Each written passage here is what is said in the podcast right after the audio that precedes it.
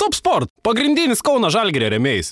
Top Sport - kazino, ruletė, stalo lošimai, kortų lošimai, kauliukų lošimai, lošimo automatai, lažybos. Top Sport - nuotolinis lošimas. Dalyvaudamas azartiniuose lošimuose gali prarasti ne tik pinigus.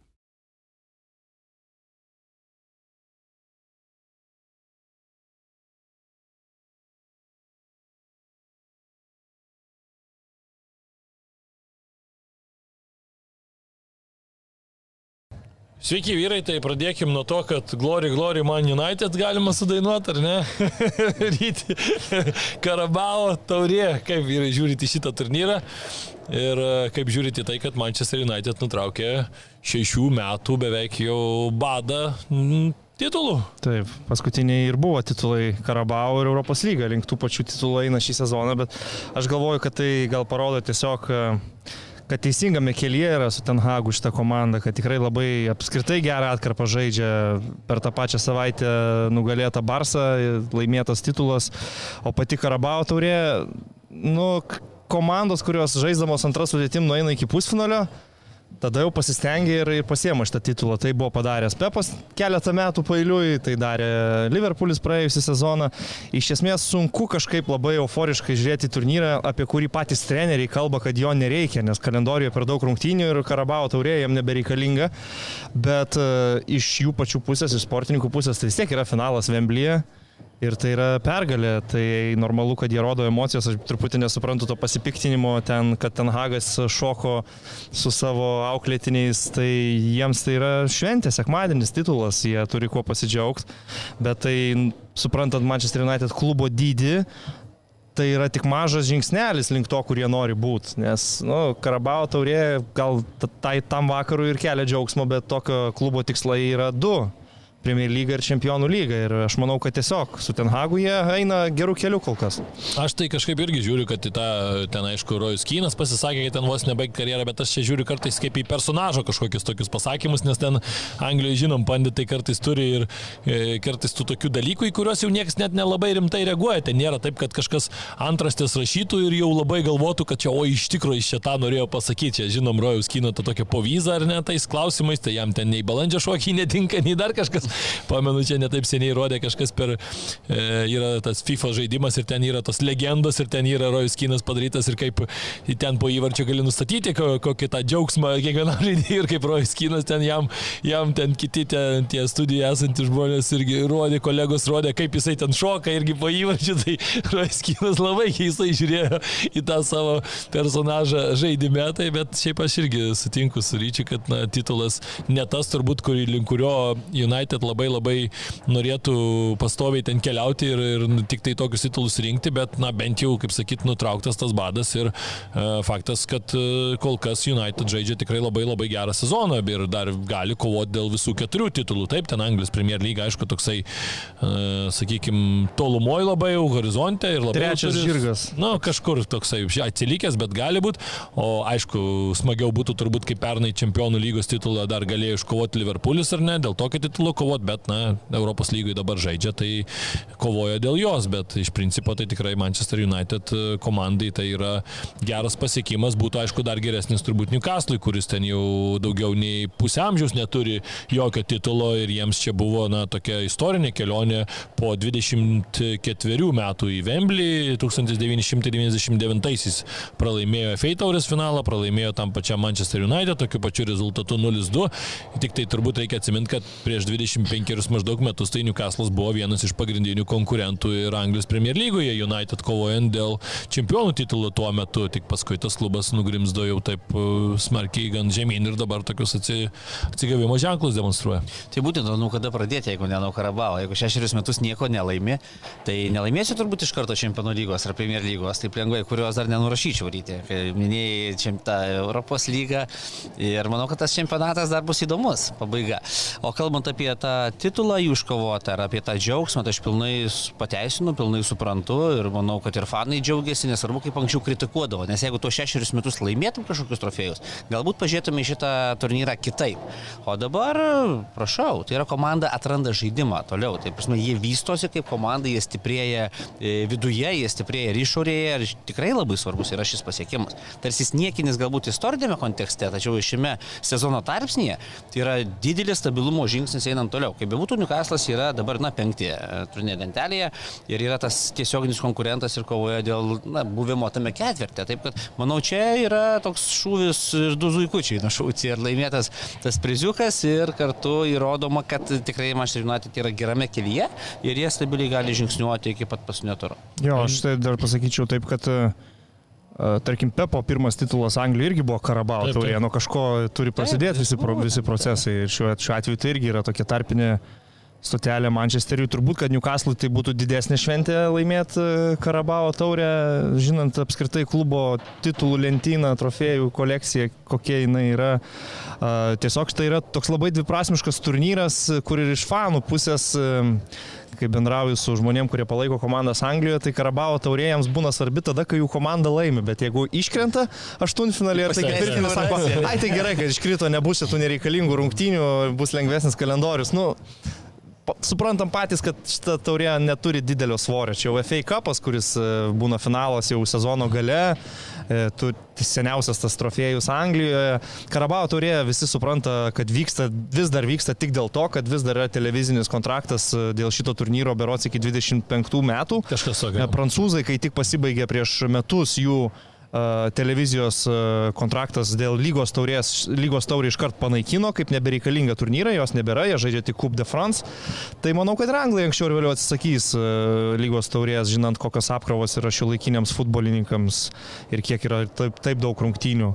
Bet kol yra turnyras, tai žinai, nu, tu esi treneris, turi komandą ir tu negali kaip treneris turbūt savo komandai sakyti, Hebra, šitas turnyras mums nesvarbus, šitas, šitas svarbus, šitam stengsim, šitam nesistengsim.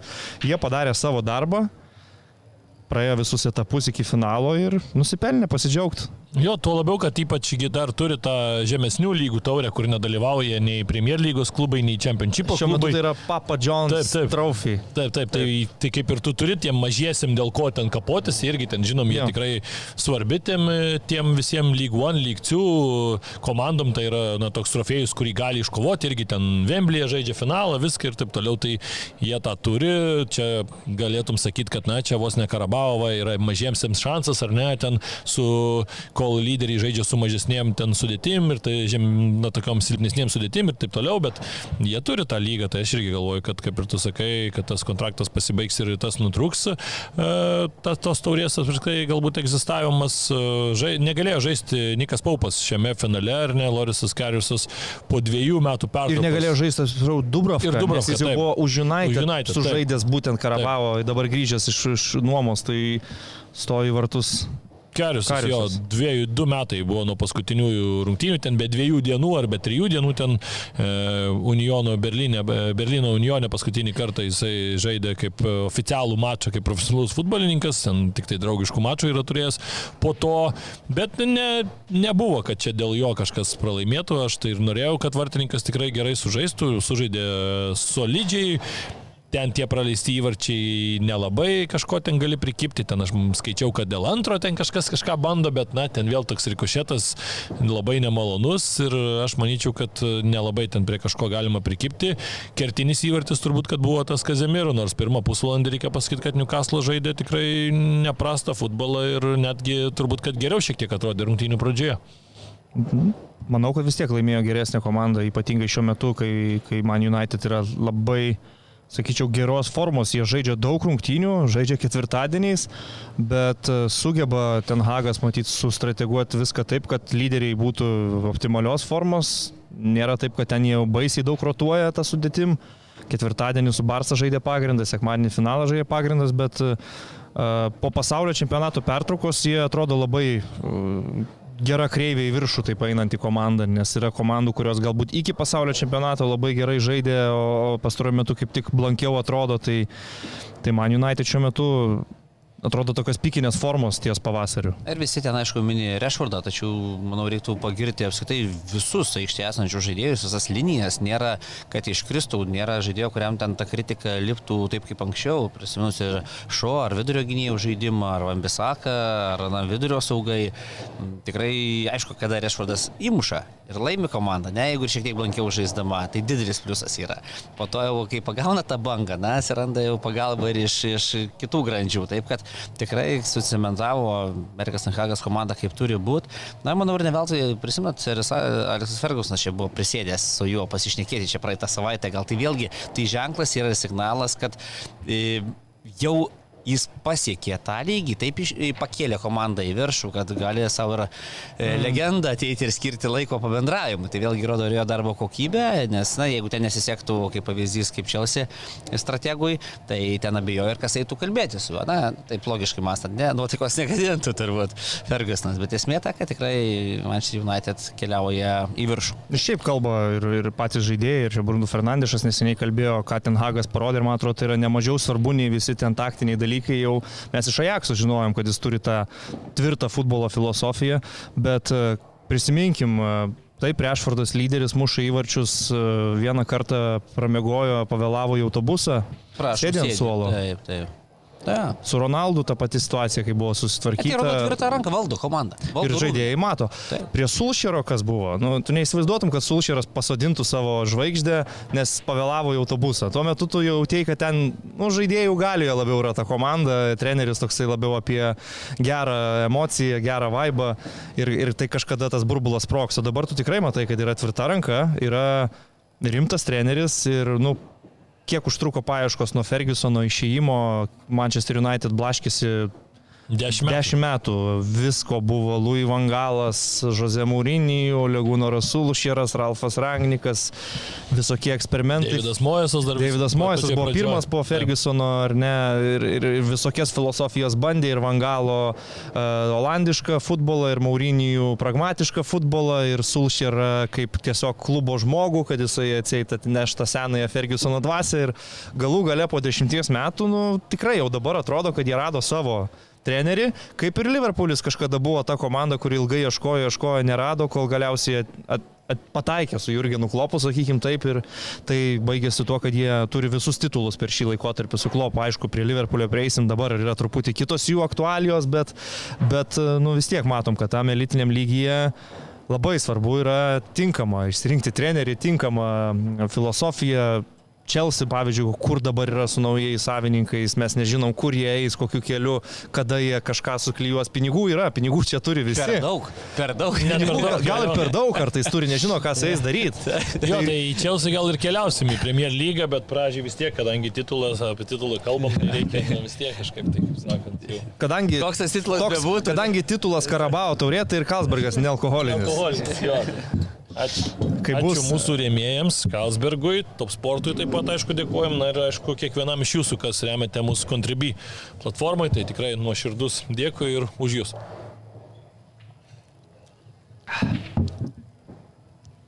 Nu viskas čia neblogai. Pavyko šį kartą truputį nugesintas putas. Ilgai teko vargti, bet... Čia žinai, kai deda tuos e, timestampus e, video, galėtų jau ruošti atskirą timestampą kažkur ten penktą minutę, kad putų šau. Putų šau. Putų šou. Bet manai, aš penkias minutės prieš tai dirbau, kad nuputint. Būtų, po to šlapių marškinėlių šau ir prasidės šie šau. Ir pavyko. Ok, tai važiuojame į kitą šou. E, Londono derbis tarp Tottenhamo ir Chelsea. Prieš rungtynės statistiškai nelabai kažkas gero buvo žadama Tottenhamui iš tos pusės, kad paskutinius tris mačius net buvo laimėję Tottenhamo naujajam stadione Chelsea ir e, Tottenhamas nebuvo įmušęs nei vieno įvarčio. Ir šiaip galvojant apie tas rungtynės, man toks 0-0 atrodė gan logiškas rezultatas, nes, e, na ir Chelsea sunkiai sekasi įmušti ir Tottenhamas toks e, labiau iš varžovų klaidų muša, bet na, pastaruoju metu tikrai nebloga ta sportinė forma. Tottenhamo pergalė 2-0 prieš Chelsea.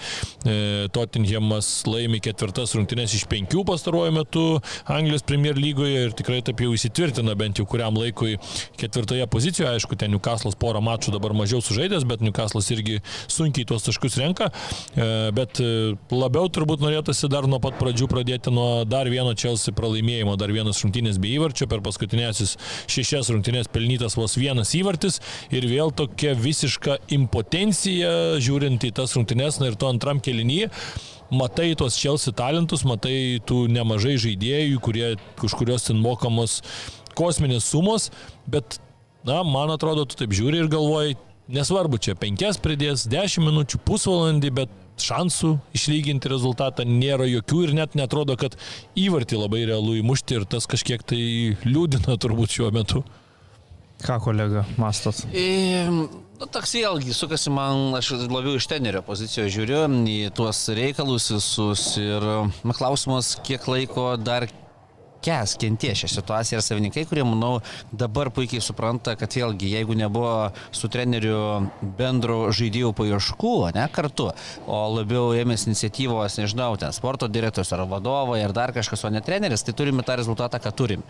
Kai ir minėjo Erikas Hagas, ten ateina, sudėlioja tvirtą ranką, grima po to nepavyksta, aišku, dar prašo tos kantrybės, dar, dar rasim savo žaidimą, bus viskas geriau, bet kada jo šeimai grasina tiesiogiai, ne, kada jam ten rašinėja, kad ten nužudysime ir taip toliau. Tai aš manau, ta visa e, atmosfera aplinkui, kas vyksta dėl prasto žaidimo, kuo toliau, tuo pelkė ta gilėja tikrai bus labai sunku jam išlipti, ištemti komandą už ausų, nes toks jausmas, kad ir pats dar paieškoje ir savęs Čelsi komandoje, savojo žaidimo kažkokio tai atradime ir kartu kaip suvaldyti visus tos pirkinius, kaip sudėlioti juos į rėmus, kaip atakuoti, kaip gintis, nes ką Karminėrinai ten atakų kūryboje na, nėra, jau nekalbant apie tai, kad tu neįmuši, tu jauči, tu jų nesusikūri tų momentų. Jeigu tu susikurtum po 3-400 procentinius, tas akžiai būtų nenulis ant kablelis kažkiek tai, tai tu gal tada kalbėtum kalbėtum apie tai, kad kitose rungtynėse nu, mes įmušim vis tiek. Mes kūrim, žaidžiam, mes įmušim. Dabar to nėra aštrumo, gynyboje to užtikrintumo irgi nėra, atrodė Silva pasirodys aikštėje, žais ten stabiliai visas tos grandys, jis vadovaus iš gilumos, dabar trauma, neaišku, kada ten ir taip toliau. Taip, kad manau, kad ten tikrai tokia labai kebli ir sudėtinga situacija, iš kurios, na, nežinau, kaip reiks išplaukti, esant visom tom, vadinkime, sisteminiam grandim vietoje. Kažką reiks aukoti. Žaidėjų nepaukosi, lieka vienintelė opcija treneris. Ar dar laukiam? Nu nežinau, gal klubo vadovybė. Aš tai manau, kad šį sezoną jie jau niekur neišplauks. Tiesiog tai kitas, čia, nu, kitas sezonas yra restartas ir čia jau tai, nu, apsispręsti reikia, ar mes tikim poteriu norim duoti sezoną nuo švaraus lapo, Ar klubo vadovai jau dabar nori imtis permainų, nors aš nu, nematau, kur Čelsi gali nueiti šį sezoną, net jeigu pakeis trenerių ir jis ateis ir ras šitą žaidėjų kratinį ir ką jis su juo darys. Ketvirtas, aš manau, yra nuvažiavęs. Čempionų lygoje taip, galbūt tau išeis namie apsiloš Dortmundą, išeis į ketvirtfinalį, bet ar aš patikėčiau, kad dabartinis Čelsi čempionų lygoje sutikęs uh, Man City Realą, Napolį praeitų juos per dvi rungtynės? Sunkiai tikiu, kad tai yra įmanoma. Ir aš galvoju, kad tiesiog šitas sezonas yra toks kaip ir užmuštas jau netgi dabar, ypač po šitų pralaimėtų svarbių rungtynių su Tottenhamu, kur jeigu būtų pasiekta pergalė, gal dar galėtum kalbėti apie kažkokį netikėtą prisikėlimą. Ir, ir šiaip tu galvoji apie tos žaidėjus, kurių jie prisipirko sausio mėnesį. Taip, jie dauguma yra dar gana jauni, tu negali jų nurašinėti čia po, ne, po pirmo mėnesio, bet Ar, ar yra garantijų, kad, tarkim, Maduekė, Mudrikas yra geresni už anksčiau jau nupirktus Ziešus, Pulišičius, nu, kol kas tai atrodo labai panašaus kalibro žaidėjai ir treneris tiesiog renkas, kurie galbūt tą dieną geriau atrodo. Uh, Bet man ir tie keitimai ten, nu, kiekvieną mačą ten po penkis, po šešis ir toks blaškais į tos sudėties neturėjimas, taip ten kažkas pasveiksta po traumas, dabar ten Sterlingas grįžo į startą, įmetė, kažkiek tai tos gyvybės buvo, bet irgi netiek ir daug ir na toks kažkoks irgi blaškimas kėlimasis į tą priekį. Aš, ką vad Židrūnas prieš tai kalbėjo, irgi keistos man tos situacijos, kai tu galvoji, kad, na, realiai tu perki žaidėjus, perki Vingerius. Atvažiuos dar Enkunkų vasarą, kuris irgi nėra tas grinas polėjas, o to tikro polėjo, tokio tikro devinto numerio tu ir neturi. Ir aš pasižiūriu dabar į tą Anglijos, tarkim, lentelę, ar ne? Ir aš žiūriu, taip, Southamptonas neturi polėjo normalus, paskutiniai vietoje, Bournemouthas neturi polėjo normalus, 19, Evertonas ten, Liujisas traumuotas, Kavertas Liujisas traumuotas, neturi polėjo 18 vietoje ten Lycui, Rodrygo pradžiai mušė, paskui nustojo muš traumelė, buvo 17 vietoje. Nu, Vavės Jamas po truputį gal atrastas žaidimas, manau, kad e, tikrai aukščiau kils. Toliau ten Vulfsai tokie irgi 15, irgi neturi normalaus polėjo. Nu, tai visos tos komandos, kurios yra gale, jos neturi normalaus polėjo, kuris muštų įvartį. Tai lygiai taip pat ir Čelsi. Na, dar kai jie susikūrė tų šansų, tai ir tų neišnaudojo, o būna dar mačų, kai ir tų šansų nesusikūrė. Tai na, kol kas aš tai matau didžiulę, didžiulę prarąją. Aišku, iš kitos pusės Poteris buvo žmogus, kuris Brightonė irgi tokio labai ryškaus polėjo kaip ir neturėjo. Ir žaisdavo ten su netikrais polėjais, žaisdavo ten su Trosaro kartais, kartais krašte, ten visokių ten variantų Va. būdavo, bet ten rezultatai išpeždavo. Bet matai, ten žaidė ir su kitais lūkesčiais. Jeigu tu su Brightonu būtum dešimtoje vietoje po 24 turų su 31 tašku, tai visi sakytų labai neblogai. Nu, Brightonas neblogai, yra savo vietoje, ar ne? Tai Bet žaidė ir su kitokios kokybės žaidėjais. ir tas yra momentų, kaip kukurėja turėjo, kuris, kuris Chelsea nelabai. Aš sakyčiau, kad, nu, iš iš komandinės pusės geras dalykas jiems tas, kad panašu, kad jau grįš Ngolo kante. Tai reiškia, kad e, gal, galima bus Enzo Fernandes labiau išnaudoti jo tikroji pozicijoje, kuris Jo. labiau parodo savo stiprybės, nes dabar uh, Poteris stato Enzo ir visą laiką prie jo ieško, kas tinka, ar Loftus Ačyka, ar Gelagerį. Su kante, manau, būtų viskas žymiai paprasčiau, jeigu jisai įsilieja, atsigauna po savo traumas, žinom jo galimybės, kad jisai valo visą tą atraminio saugo teritoriją ir tada tu gali Enzo Fernandesą statyti jau tokiu kaip į žaidėjų aikštės vidury, vidury, Taip. vidurio saugų, kuris geriausiai ir jaučiasi, ir Benfikoje ten klėstėjo tiesiog šį sezoną. Bet e, šiaip aš sakyčiau, iš dar pačių rungtynių pusės, tai Tottenhamas gal didelių stebuklų ir nepadarė taip pat. Bet kai Skipas įmušė tą tolimą įvartį, to, nu, tokį pusiau tolimą Taip, smūgį, tai turbūt visi suprato, kad čia ir yra rungtynių lūžis, kad Chelsea nu, nepajėgus paprasčiausiai atsities, o dar prie visos laimės, kai jau Poteris buvo parengęs du keitimus, tie keitimai laukė prie šoninės linijos ir žiūrėjo kampinį Tottenhamo, Sterling, Sterlingas Sterlingas irgi, irgi žiūrėjo varžovų kampinį. Ir tiesiog Bet ten Sterlingas žiūri Keiną, kas jau visiškai atrodo nesąmonė. Ir aišku, ten žiūri tik tai kažkiek tai labai trumpai, paskui pameta. Kitas dalykas, Mountas ginasi prieš Dairį. Aišku, ten Dairis užlipo, bet, nu, čia, čia yra Anglija, tie kampiniai ten leidžia daugiau, ten visą laiką pak pakovot. Bet, nu, tokia vėl atrodo, tokia jau širkšti gynybos klaida, baisu tiesiog. Vėl paskui ten keitimai, tarkim, ten Zakarija įmeta vietoj to paties Loftuso Čiko, na, tokie nieko nekeičiantis keitimai, ten nei tas Loftas Čikas kažkaip labai blogai žaidė, nebuvo tikrai taip, tu įmeti tą, į tą pačią poziciją, nėra, kad ten jau atsilieki 1-0, bandyk ten kažkokią, matai, kad niekas nesigauna mm. prieki, bandyk kažkokią tą schemą, keis dar kažką, nu, tokie atrodo, nežinau, kažkoks tas prieš šoną. galutinė kapitulacija yra, kai Obameyangas jau. Jo, jo, jo, jau, jau, jau supranti, kad jau supranti, kad balta vėliava yra iškelta. Grinai, grinai. Man apie Chelsea gal pastaruoju metu mm, vienintelis linksmintis dalykas tai vis tiek yra e, Todas Boilis, jų savininkas, kuo jis man išsiskiria kaip amerikietis savininkas, kad tu niekada nepamatysi United namų išvykos rungtynėse Glazerių, nepamatysi Arsenalo namų išvykos rungtynėse Kronkių. Ši- Šitas dėdė turtingas Sėdi. visur keliauja, Dortmundė Ultras Dortmundo filmuoja telefonu, ten Jo. jo žmonai siunčia. Ta prasme, visose rungtynėse būna, telefoną pasiemęs, toksai atrodo labai mėgaujasi. Turistas. Klubo savininko statusu, nes kiti amerikiečiai verslininkai, kurie nusiperka tos anglų klubus, tu jų nesužyburių nerasi stadionuose. Jie pat, pasamdo žmonės, paskiria visiems atsakomybės, o jie mm, yra tiesiog investuotojai, akcininkai, kurie... Jis gal, matai, Abramovičių mat, matydavo dažnai anksčiau, paskui Bet ir Abramovičius išvykas tiek neskrisdavo. Nu, jis Jisai Stanforde ne, būdavo. taip, taip. O Bulis visur, ten Jo. Dortmundas. Vyrukas smagiai leidžia pinigus. Tai, nu, faina, nu, nusipirkau klubą, žiūriu, kaip emocijos, jo, kaip emocijos tribūnose. Tik nežinau, ar labai smagiai. Rezultatas, rezultatas kol kas nesvarbu, šitą jis ateis gal vėliau, dar ramiai. Nu gal, aš galvoju, nebent jeigu jis galvoja, žinai, kaip būna uh, NBA, nusiperki ten uh, ir komandą ir ten tankini tą sezoną. Žinai, gal šaukimas, jis galvoja, čia irgi kažkaip panašiai vyksta. Tai yra ten visokių gandų, kad, kad kai jisai nusipirko Chelsea, kaip ten kažkokie insideriai rašo, aišku, čia gali būti visiškai iš piršto laužta istorija, kad ne va tai jisai galvojo, kad e, Chelsea visada žaidžia čempionų lygoje. Nu, ta prasme, Taip, kad- taip. Nu, kad jo, kaip Taip. turi kaip Ja- Eurolygoje. Jam reikėjo, pa- jam reikėjo paaiškinti, kad e, galim nepatekti į čempionų lygą, žinai, kad yra tokia Ne, nu, nu, aš nenustepčiau, jeigu amerikiečių reikėjo tą išaiškinti, tai žinok, man čia nebūtų didžiulė staigmena. E, Ką dėl Tottenhamo, Kristianas Stelinį turbūt reikia paminėti, kad trečią mačą, ketvirtą mačą jau vadovauja komandai, ketvirtą ir laimi. Antonijo Kontė ramiai, toliau gali būti Italijai, bet įdomu, ar, ne, ar neužsibus netyčia, gal jau Danielis Levis sakys, nu, gal pabūtų dar Antonijo. Jeigu pritaringas sėderis, tai gali ir nevažiuodavo. Jo, negali keisti sudėties, ar ne, kol Aš manau, bilietus keičiasi. Ne, skrisiu, ne, ne. Ai, skrisiu, vėl neskridu, nu pabūsiu. visi mes per pandemiją išmokom, kad daug darbų galima nuotoliniu būdu. Antonijo Kontė irgi gal per Zoomą ramiai treniruoja tą komandą. Ar kaip tik gal psichologiniai, žinai, dalus pokalbį, kas yra dar svarbiau, žinai, gal be aikštėjo, ten smegenis plauda. Ne, šiaip Tottenhamui tokios pergalės, tai aišku, labai stiprino jų poziciją ketvirtę ir, ir viską. Ir, ir nu, jie labai, sakyčiau, tvarkingas rungtynės sužaidė. Faktas, kad jie gal daug ten nesusikūrė, bet žinom, mes Tottenhamą jie tiki visada, kad išlauks to savo momento, kad e, kažkur sublizgės Keinas, kažkur jie kontratako varžovas pasigaus. Svarbiausia jiems yra neprasileisti pirmiem nepaleis varžovų tar- į priekį, nes anksčiau su to jam būdavo problemų, kad pirmi praleidžia, Jo, tada jau gavę į užpakalį bando, bando pradėti žaisti. Šiuo atveju buvo labai tvarkingai iš gynybinės pusės kontroliuojamas varžovas ir išlaukė savo tiesiog momentų antram kilinį.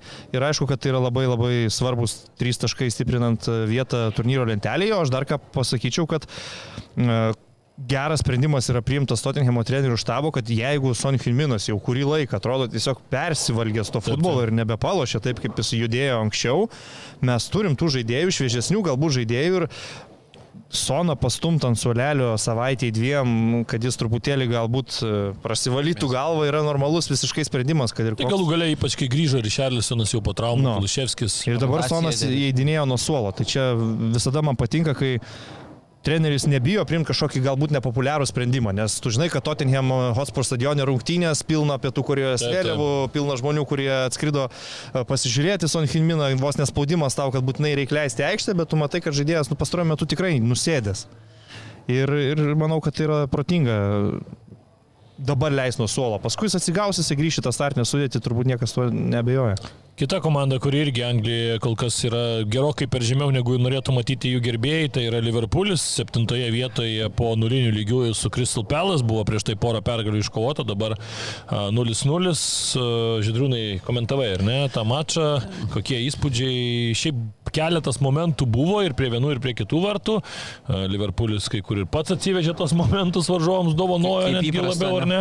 bet iš principo tai rungtynės tokios gan nikokos buvo. Taip, ir dar kai uždavė klausimą, taip galvoju, aš tikrai jas rungtynes, taip apie- taip bandau apie nieką rungtynės būna Na šiaip, e, aišku, po tokio, na, negalim rusiškai sakyti, ne, to žodžio, per ausytę gavimo. taip Pravalo norėjai pasakyti, ar dar blogiau kažką. Pliuchos, žinai, nuo realo. Iš tikrųjų, laukiu, kada atsities, nu, Premier League, dvi, du laimėti turai paskutiniai buvo, dabar laimėk čia ir tarsi, na, galbūt ir pamirši šiek tiek tą realą, nu, pralaimėk ir vienu įvarčiu. Anfieldė ten nelaimėsi įvarčių dviem, stebint taip, kaip dabar jie žaidžia.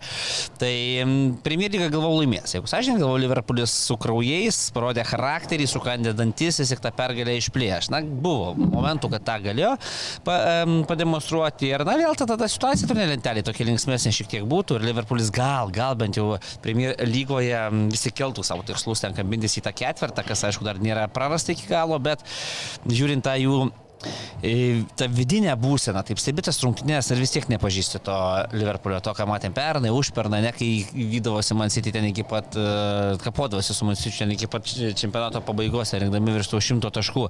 O dabar ta komanda kažkur dingus, tas, tas charakteris, tas pasitikėjimas, tas toks užtikrintumas, e, kaip realas, ne 0-2 pralaiminėja, tačiau tu matai pagal tą žaidimą, kad šie rungtynės dar nesibaigė. Nesibaigė ir prašom 5-2 baigėsi. Čia tarsi tas dvi rungtynės, kur laimėjo net ir derbį Mersisaido. Na, taip žiūri, tvarkoja, na, kažkokia emocija yra, bet nieko panašaus į tą komandą, kurią matėme pernai užpernai. Ir klausimas vėlgi, kada. Kai tą patį užduodam Čelsi stratego, ne, e, Poteriui, kada jis ten pakels. Tai jam sudėtinga, jis tik atėjęs. Klopas ten viską žino nuo A iki Z. Žino visus tuos svertus, kur ką, kaip ir jam nepavyks. Ten jo štabas irgi turbūt deda milžiniškas pas, pastangas, kad komandą iškelt. Ir tai nepavyksta taip, kaip reiktų, taip greitai, kaip norėtųsi. Taip, kad tikrai, nu, Mm. Liverpoolis man kažkaip, sakau, laukiu pergalės, sunkios pergalės, nepavyko išplėšti tų papildomų dviejų taškelių, bet iš esmės tas futbolas, kaip ir sakei, nu, nėra toks įsimintinas. Žais beje dar trečiadienį svarbios rungtynės turi jie, tas nukeltas rungtynės, jie, aš sakyčiau, Wolverhamptonu. Su tas, Wolvesais. jos Vulfsais, tas ketvirtas nėra taip ir toli. Taip. Tu turi dviem rungtynėm mažiau sužaidęs už, už Tottenhamą. Jeigu tu laimi tas atsargos rungtynės, tu esi pakankamai arti, bet Dar būtent... šitus du taškelius pridėk, kad Dar jeigu čia būtų taškai, jo. Nu, greičiausiai galėjo pasibaigti viskas 1-0, Sala turėjo savo firminį tą smūgį, kai Sala, Gakpo ten šansą dar turėjo. Darvinas Nunėsas reikia pa, pa, paminėti, kad a, iškrito iš reikiuotės, nebuvo šitose rungtynėse, neaišku dabar ar ir, ir trečiadienį Jo. bus. Bet a, to solidumo tikrai komandų nesimato. Aš netgi kai žiūrėjau jas 11 prieš 10 su Newcastle, jie ten turėjo daug vargo. Taip, taip. Prieš 10 Newcastle vaikinų ir ten tikrai sunkiai kentėjo, nuo kampinių gynėsi, per kančias a, taškus pasiemė. Čia Crystal Palace irgi komanda nėra, kurią lengva įveikti išvykoje. Aš pasakysiu, kad man labai labai patinka šį sezoną Michaelas Olise. Labai įdomus žaidėjas, tikrai man atrodo turi šviesių perspektyvų eiti kažkur dar toliau nei, nei Crystal Palace'as, tiesiog toks techniškas, driblinguojantis, kairiekojus, prisimenam, kokį baudos smūgį yra įmušęs prieš Manchester United, United, yra labai talentingas, tikrai jaunas įdomus žaidėjas, bet jo, iš Liverpoolio pusės aš irgi gal laukiau kažkokios piktesnės reakcijos po čempionų lygos rungtynių, čia tokios buvo sąžiningai vos neprisnūdau, žiūrėdamas tas, tas rungtynės ant, ant sofukutės minkštai įsitaisęs, ten momentais tik taip akis kažkiek tai e, prasiplėsdavo, bet Tai gal sukalt per rankoje, vai? gal. Manchester City's ramę pergalę iškovojo 4-1, nelabai gal ir yra ką ten aptarinėtose rungtynėse. Bournemouthas e, yra ta komanda, kuri daugiausiai Anglijos Premier lygoje praleidžia, tai ir čia dar tą statistiką jiems pablogino. Aš gal tik paminėčiau tokį dalyką, kad mano akim Manchester City su Nottingham Forest žaidė žymiai geriau, bet neįmušė. ir sugebėjo pa- paveikti vieną Čia tokių Čia, keletą buvo, kur nukrito. Ten- ir užsileidę buvo ir viską, bet visas savo progas tiesiog susimušė pirmam kelinį ir, ir dar į Rūbinę atidavė į vartį vieną. Bormutas, kur Bilingas. Faudena, Faudenui tiesiog atidavė dovaną. Tai akivaizdu, kad antram kelinį jau Pepas išleido daug atsarginių žaidėjų, debutavo Maksimė Peronė, atvykęs iš Argentinos, dar vienas naujokas. Smagu, Ir- kad keitimus pagaliau rado Pepas. Tai kai prisiminė, kad galėjo. 4-0. Tada. Prisiminė, kad yra. Kai 4-0 ir reikia pataupyti žaidėjus, tada pakeitė, penkis visus keitimus padarė. Ir kai jau ten su ta eksperimentinė sutimų užsibaiginėjo, tai gal ir nekeista, kad praleido vieną įvartį, nors aš kaip fantasy Edersoną pasistatęs į vartus. Jo. tai va, Pykai, ane? labai nepatiko tas, tas akibrokštas, bet jo, nu, prieš Bormutą nieko turbūt kito ir nesitikėjom, kaip, kaip pergalės masyčiau. Taip, Arsenalas irgi toliau e, pildo savo taškų kraitį, dviem taškais nutolęs nuo Sičio, vienas rungtynės rezervė, tai pagal prarastus penkiais pirmauja Londono Gunneriai, pirmos rungtynės, e, kur Trosara žaidė kartu su Martineliu startė, paliktas buvo ant suolo anketėje. 1-0 pergalė prieš Lesterį, bet aš sakyčiau, kad pergalė gerokai užtikrintesnė negu skamba pagal rezultatą. Aišku, ten tų momentų nepasakysi, kad Arsenalas turėjo kažkiek ten labai jau krūvom, bet tikrai buvo daug geresnė komanda ir labai solidi gynyboje. Lesteris XG seniai tokio neteko matyti 0,02. Čia antirekordas e, Premier lygos nuo tada, kai pradėjo šitą statistiką skaičiuoti. Nors man ne iki galo patinka šitas e, modelis. Jo, nu, todėl, kad pavyzdžiui yra. buvo Lesterio ataka, kur Barnsas atliko labai gerą perdavimą prie tolimo virpsto, bet uh, nusprendė tėtė netolimesnė dešinė koja siekti kamulio, o kairė. Taip. Ir nepataikė į tą kamulį. Ir kadangi net nebuvo jokio smūgio, tai net neįskaičiuoju apskritai, kad jie sukūrė kažkokie žynos. Ten realiai, jeigu jisai pataiko į kamulį, muša į tušius vartus iš 3 metrų. Taip, taip, taip. Tai toks epizodas, žinai, Jo, nu bet Gal- gal, tas gal ta- paskaičiavimo modelis toks yra parinktas pagal tai. smūgius ir, ir viskas. Mes dažnai akcentuojam, kad faktas, kad ne visą laiką, kaip ir tas toksai smūgis į vartų plotą, tai kartais yra, ar tu geriau per vidurį vartų pramuši, kur ten vartininkas ištrauks, ar tu pramuši tiek nuo, nuo virpsto, kur jau vartininkas neturės jokių galimybių. Tai kartais tas skirtumas toksai yra, aišku, kai tu pramuši į vartus, į vartų plotą, gal dar gali kamuolys atšokti nuo vartininko, ten, nu visų Net jie blokuoti smūgiai būna kartais situacija pavojingesnė, nes ant 3 metrų vartininko nėra gynėjas, to ir atsitrenkia į gynėją kamuolys. Tai čia pavojingas momentas, manau, kad taip. O kalbant apie ryšio, tai, tai manau, tas perdavimas atsis, atspindi ten, kur yra pavojingos atakos grafa, nežinau, Taip, ten ar kaip... big chances tie. Taip, ten tenžeris ataks, tai jo, tai ten gal užsidėga kokią papildomą lemputę, bet iš esmės, kaip ir minėjai, tikrai tai yra pavojingas epizodas ir ten tas traktavimas to momento, ar, ar tas smūgis, kaip ir minėjo Ervinas, ten iš 30 metrų tiesiai į rankas statistikoje atsispindi ir ten ką, pakilsas skaičiukas, kiek žina, nelabai, čia man šitą tokia tikrai pavojingesnė ženkliai, ar ten tikimybė pelnyti įvartį tą, kaip būtų tarsi ir didesnė. Tai ir net Dewsbury Hall tas smūgis taip 0,02 įvertintas, bet ten labai neblogą pramušė ir ten šalia vartų praskrido, aišku, 72 minutę, pirmą smūgį apskritai atlikti į vartų pusę ir tik tą vieną smūgį ir atliko, tai čia, na, statistika tai labai labai tragiška, bet aišku, Lesteris turbūt yra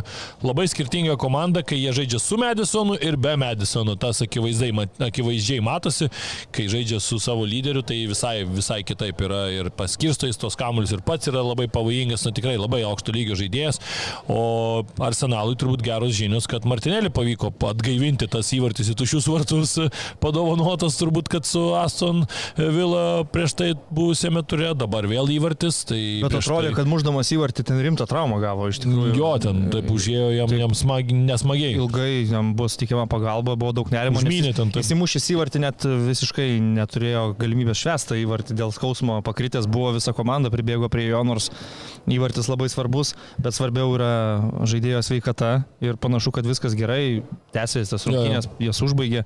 Buvo įvartis ir pirmam kelniui, kur Trosaras įmušė gra, gražuolį tiesiog įvartį, Bet uh, su varu atrado, kad kampinį keliant, prieš tai ten vartininką užuodė. Benas Deivisas jau. Bet reikia pripažinti. Benas Vaitas. Vaitas, kad buvo. Buvo, ne, tai buvo, bet aš kaip žaidime tai net ne, Taip. nepagalvojau, kad ten kažkas Tai galėjo. ten nepamatysi be varo, be šansų. Jo. Jo, bet čia šiaip, nu va čia varo tie Taip, pliusai, nes ne? čia Kur, gudravimai tikrai yra- laikė ten taip. Taip, už bet taip, rankos taip, vartininkai- švelniai delikačiai, Ne, pasi, pas, taip, paslėptas taip. toks prilaikymas. Jo, Jo, jo, tas buvo. Ir kartais ten, nu, būna tokių, kai kamuolys skrieja aukštesnė trajektorija, vartininkai išeina ir jį gaudo. Ar prisiminkite, būna tokių situacijų, kada tarsi iškentam kamuolys iš rankų, ar po to ten įmuša. Mm, taip, taip. Ir kai varas atsirado, pradėjo fiksuoti tokias pražangas, nes ten, kai šoka, puolė irgi gudrus. Į ranką šiek tiek stuktelna.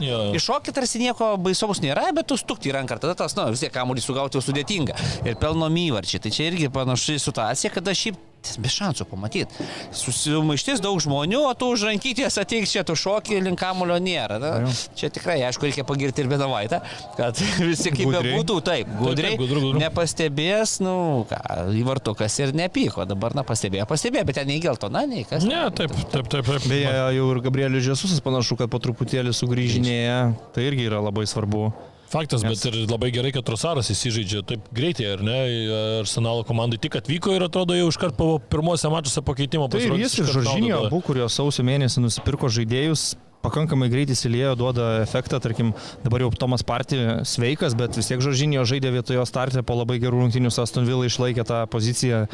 A, tai tas a, sausio mėnesį pagilinimas sudėties tokiais su jau pasiruošusiais žaidėjais yra labai svarbus einant iki galo. Ir ypač jaunai komandai. sezone. Plius žinant tai, kad vis tiek jie Europos lygoje žais, nuo kito etapo jau pradeda Taip, taip. žaisti. Tai tu kovoji dėl Premier lygos titulo, tai kaip ir yra svarbiau, bet tai nereiškia, kad tu Nenori a, laimėti Europos lygos. Nenori žaisti Europos lygoje ir, ne, ir nenori nueiti ten iki finalo. O, galbūt. Lisabono sportingas varžovas, tai neblogas, bet tikrai įveikiamas. Nu, ir jeigu tu nori tais dviem frontais įsilaikyti, to būtinai reikia rotacijos. Tai tokie Trosaro ir Žoržinio įsileimai labai svarbus artetai. Taip, taip, taip, Martinėlį, kaip ir minėjau, jau devintas įvartis šį sezoną. Prieš tai buvo aštuonių mačų tokia tyla ir kas yra svarbu, kad na, prieš tai per tris sezonus buvo įmušęs 11 įvarčių, dabar per šį sezoną 1-9 ir panašu, kad net daugiau nei su 11 turėtų užbaigti, jeigu tokia progresija vyks kaip dabar. Tai matom, koks augimas žaidėjo, panašiai kaip Miguelis Almironas ar ne, Newcastle, kur irgi e, prieš tai per tris sezonus įmušė mažiau nei, nei per vieną šį. A, Ką Anglijoje dar verta paminėti, turbūt, kad Lyco labai svarbią pergalę prieš Southamptoną, čia vis tiek jau tos kovos apačioje ir Javi Garcia, naujas e, strategas, e, stojo prie Lyco, vart, prie Lyco vairo, ispanas ir startavo pergalingai, taip pat Vezjem Vezjemo, užtikrinta pergalė 4-0 prieš Nottingham Forestą, Danny Inksas pirmą kartą debitavo startinėje sudėtyje, Vezjemo sudėtyje ir iš karto du įvarčius, tai na, pelnė, tai labai svarbu Vezjemui ir po truputį atrodo Vezjemas irgi suranda paketą, kai yra sudėtyje, kai Benrahma yra tikrai neblogos formos, tas pats Žeredas Bovinas nemuša galbūt tiek įvarčių, kiek anksčiau, bet tikrai forma irgi nebloga, kuria, tai aš manau, kad Vezjemas, mano nuomonė, kad baigs vis tiek koks nors ten 13 ar ten net 12, kur, kur Crystal Palace ar Nottinghamas yra žiūrint manau, į jų sudėtį. Niekas negalvoja, kad Vezjemas gali iškristi, tiesiog per gera sudėtis, per ja. geri žaidėjai, kad iškristų, buvo kažkokia dobė, pradeda iš jos lipti.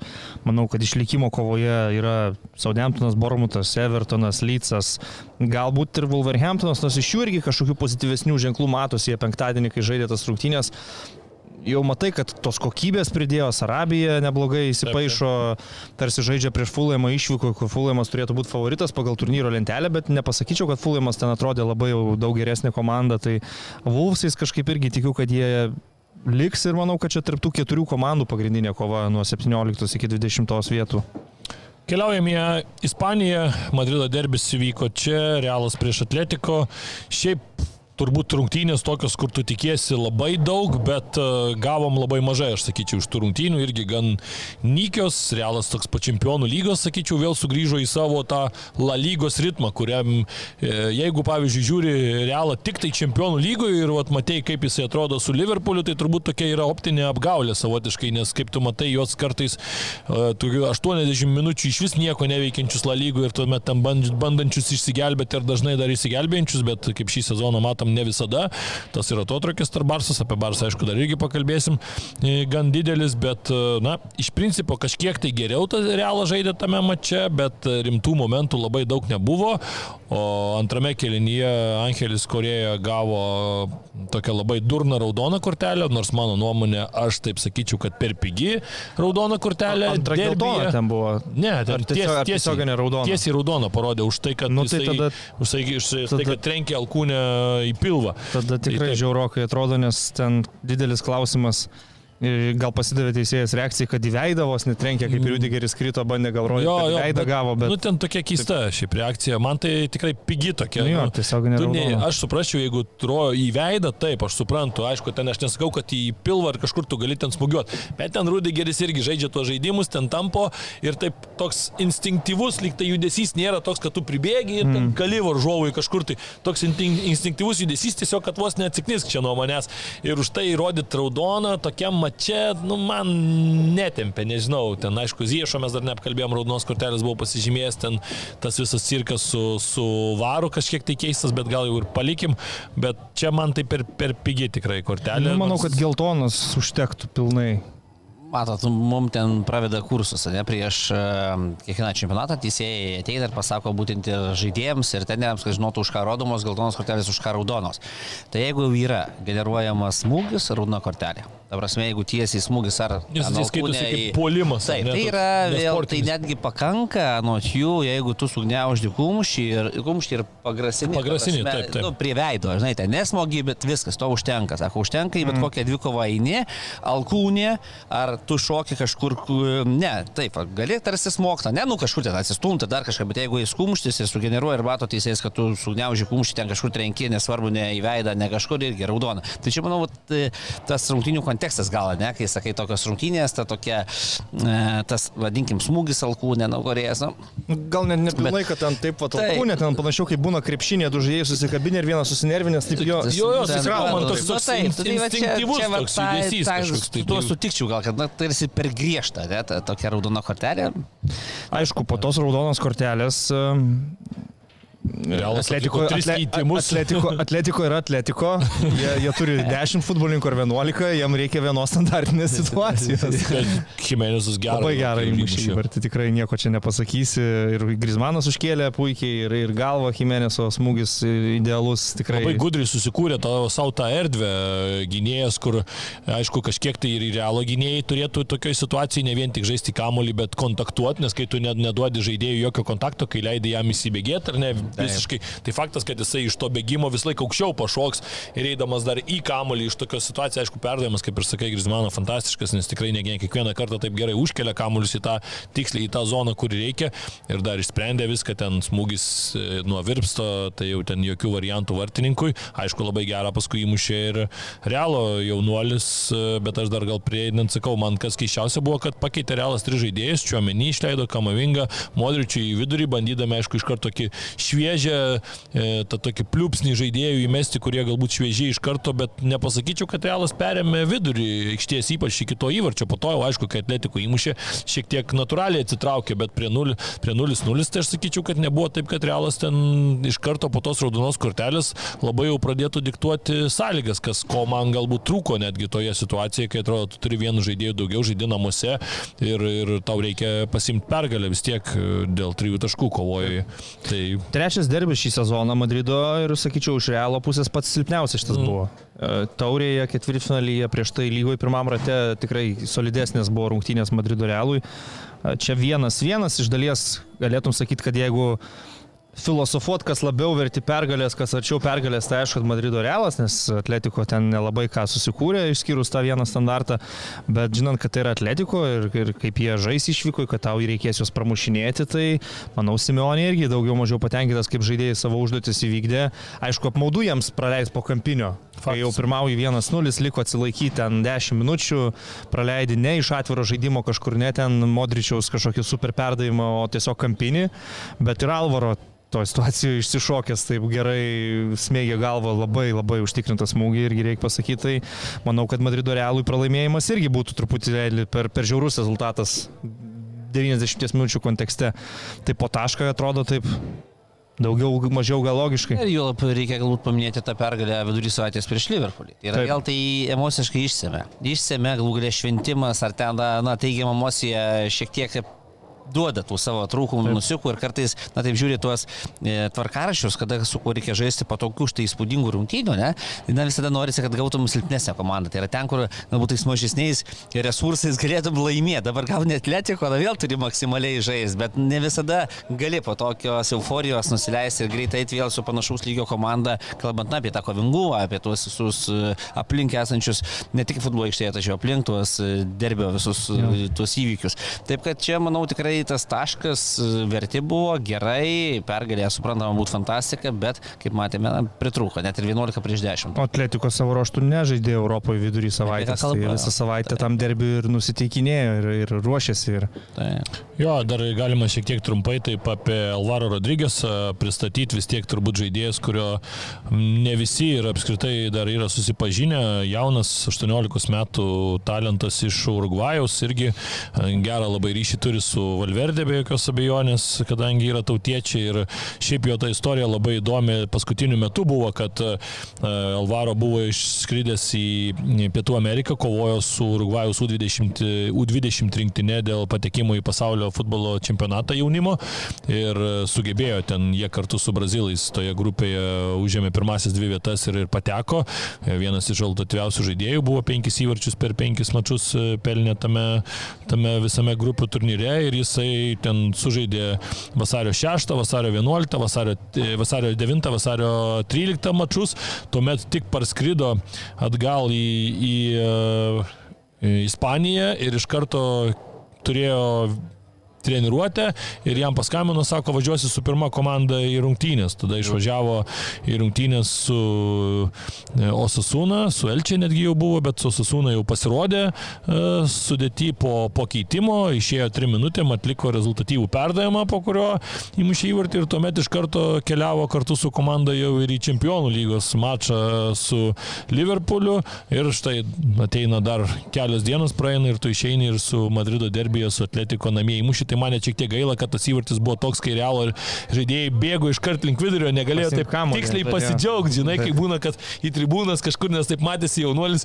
ten pas Modričių bėgo, Modričius rodo, kad viskas tepam slydės, įmam kamuolį ir, ir žaidžiam toliau, tai, bet aišku, paskui matėm džiaugsmas ir po rungtynių, net ir taip realo žaidėjų matėsi reakcija, kad labai faina visiems vis tiek tai yra auklėtinis akademijos, kuris čia auga skleidžiasi ir tikrai, na, tokios porą savaičių, tai fantastiškus jaunuolių, kaip pagalvojai, prieš porą savaičių dar ten žaisdavo tik tai uh, Kastijoje, kuri dabar ten šiaip neblogai juda, trečiam Ispanijos divizione, bet yra vieni iš lyderių ir gali kitą sezoną grįžti atgal į sekundą, kas, kas šiaip yra svarbu, nes vis tiek sekundai tiem žaidėjim yra didesnis stimulas aukti, nes su geresniem komandom tiesiog tu, tu, tu žaidži. Tai...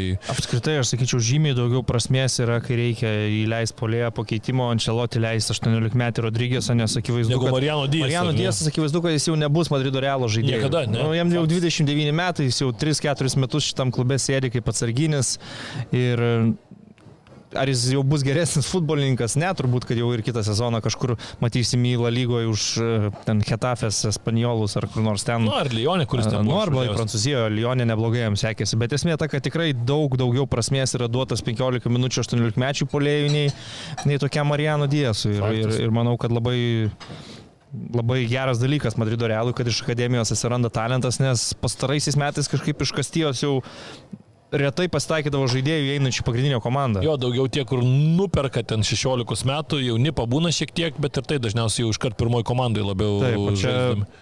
Toks žaidėjas, kur dar prieš sezoną gal nežinojom, kas tas Alvaro Rodrygėsas, dabar jau Taip, taip. turėjom progą gerai susipažinti, turi labai gerus fizinius duomenis, sakyčiau, toks aukštas, tvirtas polėjas, bet to pačiu ir greitas. Tai Jo, gali- metras 92 ar 3 ūgis. nu, taip, taip, tikrai labai aukštas, bet tuo pačiu ir techniškas. Jo, gali žaisti ne tik, ne tik polėjo, bet ir iš krašto toj pozicijai. Tai matėm ir tą rezultatyvų perdamą, kai tada atliko rungtynėse su Susūna. Na tikrai, kol kas geras įspūdis ir jaunuoliui tokios rungtynės, aišku, pridės daug savivertės, to pasitikėjimo savimi. Barsa pirmasis pralaimėjimas Almerijai per visą istoriją. Pirmą kartą Almerija sugebėjo nugalėti varžovus ir tai, na tikrai toks labai labai netikėtas rezultatas, kalbant apie turnyro lentelę. Ir Barsai labai labai slogus iš tikrųjų ir mačas buvo. Faktas, kad neturi ten ir Pedri, Gavi taip pat ar ne, nežaidė šitą. Ne, Gavi žaidė, Gavi nežaidė Europos lygo dėl Taip, taip. kortelių. Čia jisai žaidė. Jo, bet e, Pedri nebuvo, Dembelė, šiaip sakyčiau, labai trūksta. E, Man atrodo, kad to tokio žaidėjo, kuris galėtų draskyti, e, draskyti krašte, tenais tikrai jo tas pusę sezono, kiek jisai žaidė, bet traumų buvo puikus ir vienas iš kertinių žaidėjų, o dabar taip jo, Gavi žaidžia jo ten pozicijų iš esmės, arba ten, na, jie būdavo su Rafinė, ten kartais susikeičia ir taip toliau, bet aišku, jisai vis tiek labiau ne kaip vingeris žaidžia, o kaip e, aikštės viduryje, bet, e, bet iš principo tai, na, Barsas turbūt, kad vienas praščiausių mačų apskritai gal šiemet ir tokia šiokia tokia atrodo ir dobelė galbūt po to pralaimėjimo Manchester United. Gal net ir anksčiau jau ta duobelė turėjo savo pradžią, bet tiesiog jie silpnai žaisdami praslyzdavo ir laimėdavo 1-0, nemažai buvo tokių rungtynių. Štegenas gelbėdavo, čia Nemažai. gelbėjo rungtynių pabaigoje. Ir kažkada turėjo turbūt ateiti rungtynės, kai jau nubaus juos likimas ir pralaimės, ir praleis, ir neįmuš, nes tikrai per ilgai, sakyčiau, jie ėjo tiesiai į viršų turnyro lenteliai, nežaisdami labai gerai. Tiesiog po pasaulio čempionato pertraukos, mano akim, Jie sužaidė dvi geras, tikrai geras rungtynės. Tai buvo prieš Madrido Realą Super Taurėje ir prieš Seviją La Lygoje. Visi kiti mačai buvo darbinės pergalės 1-0. Kažkur momente Lewandowskis sublizgėjo, kažkur Pedri, kažkur Gavi, kažkur Terstekinas traukė, ar Raucho ten kaip žvėris gynyboje prieš vierelį, atsimenam, ten gelbėjo, visas kylės dengė. Nu ir atėjo vakaras, kai jau tuo pažydžiamumu varžovai pasinaudojo, tikrai už, užklupo su viena gera kontrataka. 24 minutė Elmerija, Elbilalas turėjo gerai kirto proginėjus, išbėgęs prieš Tersteginą atliko jau tokį smūgį. Smūgis be cirkų, kaip sakant. Geras šitas geras. po skersinių. E, Ir Čiavi paskui bandė labai įdomių eksperimentų ten gelbėdamas rungtynės. Jeigu taip žiūrėt rungtynės tik nuo 70 minutės įsijungus, tai galėtum mąstyti, kur aš čia papuoliau. Rafinė žaidžia dešinių gynėjų. Arauko žaidžia polėjų. Su Lewandowskiu dviem strikeriais pasistačius ir, ir, ir žiūri tą pabaigą ir bandai suprasti, kas čia vyksta ir iš esmės matyti ir čia jau matė, kad nu visiškai pozicinis futbolas atrodo tragiškai, tai kas belieka. Aš tai tik Siunčiam paskutinį pusvalandį ir įsijungiau tą mačą, nes pažiūrėjau rezultatą, ten prieš tai kažką komentavau, neatsimenu, ir žiūriu Barsą, prieš Almeriją, žiūriu 0-1 gaudinėjau, oi gal reikia greitai jungtis, tai jau ir mašiną spėjau įsijungti ir paskui grįžęs dar da- dažiau paskutinį pusvalandį. Tai ten realiai ir vėjo link to, kad jau visiškai niekas nebeina, tai aukštą stiprų vidurio gynėją siunčiam į polimą, taip. mėtom kamuolius. Tai ten 47 ar kiek ten buvo aukštų perdavimų, skersuotų mėtė ten perdavimų, tuos- ten tų tai ne visi aukšti, bet, bet iš esmės. Vienas nu, buvo geras, vieną progą tas pats Araucho ir turėjo, kur galėjo lyginti Jo, galvą. jo, jo, ten. Ir iš esmės taip, ten pus... Kaip Cristiano Ronaldo reikėjo šiek tiek užkabinti plaukais, bet Truputį kur labiau. ne, ne, bet Matai, nekabino. plaukų mažai, bet mažai. nekabino Ronaldo. Bet... Ir, ir šiaip aš sakyčiau, kad, nu, logiška pasiekmė. Kažkada turėjo ateiti tokios rungtynės, kažkada turėjo prasileisti. Be abejo, tu šeštadienį matai, kad Madridė lygų vienas vienas, jau trini rankom, kaip čia bus plus 10 Na, lentelė. jeigu būtų plus 10, sakyčiau, jau būtų... Vos nepalaidota, nes Taip. dabar aišku, yra likęs dar L klasiko antram rate, maža ką, visko gali būti, bet jeigu žiūrint į perspektyvas dabar šią savaitę, tai yra trečiadienį, Kopo dėl Rei, pirmos rungtynės, Taip. Barsa Madrido Realas. Lewandowskis dar susižeidė, negalės irgi žaisti. Nėra Pedri, nėra Dembelė, Jo, Rafinė. ir jeigu realas laimė, tai trečias pralaimėjimas iš eilės Barsai, tai toks Tai- nebūtų labai smagus reikalas. Manau, kad kažkaip tai Realas dabar atrodo favoritas tos pusfinalio poros. Pala, gal jie net ne trečiadienį žaidžia. Ar trečiadienį, ar ketvirtadienį? Ketvirtadienį, trečiadienį kitas Jo, jo. finalis. Tai, nu, Barsa išgyvena sunku laikotarpį šitam sezonė. Man atrodo, kad dabar jau jų sezonas juda taip, kad kažkaip išvargti tą La lygos titulą. Ir galbūt vėl grįžti prie darbų vasarą ir tam pačiam Čiavi minčių, gal kad kai žiūri jo komanda yra planas A, bet kai reikia kažkokio plano B, jo kaip ir nesimato su to pačiu Manchester United irgi buvo. paleido į polimą ir... Nu čia planas D. Pikė anksčiau irgi varydavo į puolimą. gal tas Tai... primityvas ir atneša rezultatą, žinai, netikėtumas. Įpratę visi, kad jie ten ridena tą kamuolį, o dabar bum, pradeda aukštais kamuoliais. Yra momentas, bet- jo. Bet yra žaidėjų, kurie, pavyzdžiui, tiesiog nuvilia. E, Tai tas pats Ansu Fati. Nu, arba Garcija pasirodė vėl. Garsie jau pernai nuvildavo. Jo, jo, bet, bet il- ilgai nebuvau matęs, aš jo žaidžiančio vėl išleidau. Nes Kristensas su Rauko gera vidurio gynėjo pora, bet nu, akivaizdu, kad ilgo sezono metu tau reikia ir, ir kitų turėti e, alternatyvų. O pavyzdžiui, nu, atsakau, Ansu Fati pats atrodo ten nebepatenkintas, per mažai žais gauna, bet netgi kai buvo visos tos traumos ir Lewandowskio kortelės nepasinaudojo savo šansų, dabar vėl traumą pats gavo Rafinija. Man jis ir toliau visiškai prie Barcelonos futbolo tos filosofijos netinkantis atrodo žaidėjas.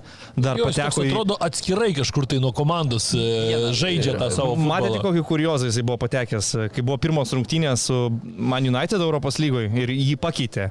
Jisai susinervino, spardė suolą. Taip, taip. Ir spardydamas suolą gavo traumą. Dėl to, dėl to turėjo praleisti su Kadisu La lygos rungtynės.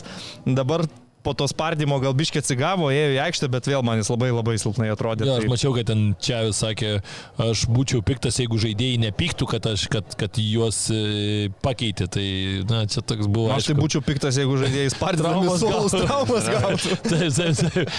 Jo, bet e, toliau Ispanijai nieko labai įspūdingo nebuvo, galbūt tik tai verta paminėti, kad trečioje vietoje esantis Real Sociedadas išvyko į pralaimėjo Valencijai. Valencijai čia buvo labai svarbi pergalė po eilės jau pralaimėjimų šeilės. Ir jau su naujų strategų. Taip, taip. Rubenas Baracha, legendinis, stojo prie vairo.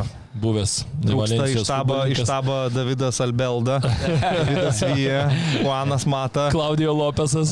po to jau ten Žordi, šitas, kaip jisai Gonzalesas. Žordi Alba su Davidu Silva tuoj baigs karjerą, galės jungtis prie štabo ir žiūrėk, visą gvardiją turės. Nu, jo. Bet svarbi pergalė. Kalizarės su dar vartininkų treneriu. Jo, jo. Bet tikrai bus ir mes kalbam apie Angliją, Ispaniją panašu, kad irgi kova dėl išlikimo bus e, labai įdomi, labai nesinorėtų, aišku, kad Valencija toks klubas iškristų, tikrai įdomesnė Valencija vis tiek yra komanda nei ten koks Kadisas ar panašiai, tai na, tikrai palinkėsim Valencijai išlikti, Mm, gal naujas treneris, kaip sakant, padarys tuos darbus. Keliaukime į Vokietiją. E, Vokietijoje susitiko lyderiai. Müncheno Bayernas ir Berlyno Unionas, e, mačas Alijansė ir Alijansas toks tikrai karštas, užpildytas, jautėsi, kad e, jaučiasi tokia atmosfera jau lyderių, bet rungtynės buvo labai labai nesunkios, visiškas e, Müncheno Bayerno dominavimas nuo pat rungtynių pradžios. Ir aš sakyčiau, kad greičiausiai atsiliepia tai, kad Berlyno Unionas ketvirtadienį žaidė irgi pakankamai vis tiek svarbės, sunkes rungtynės su Ajaxu, jas laimėjo namuose, iškovojo tokį istorinį pergalę, pateko tarp 16 geriausių į aštuntfinalį Europos lygoje, kur žaidžia pirmą kartą.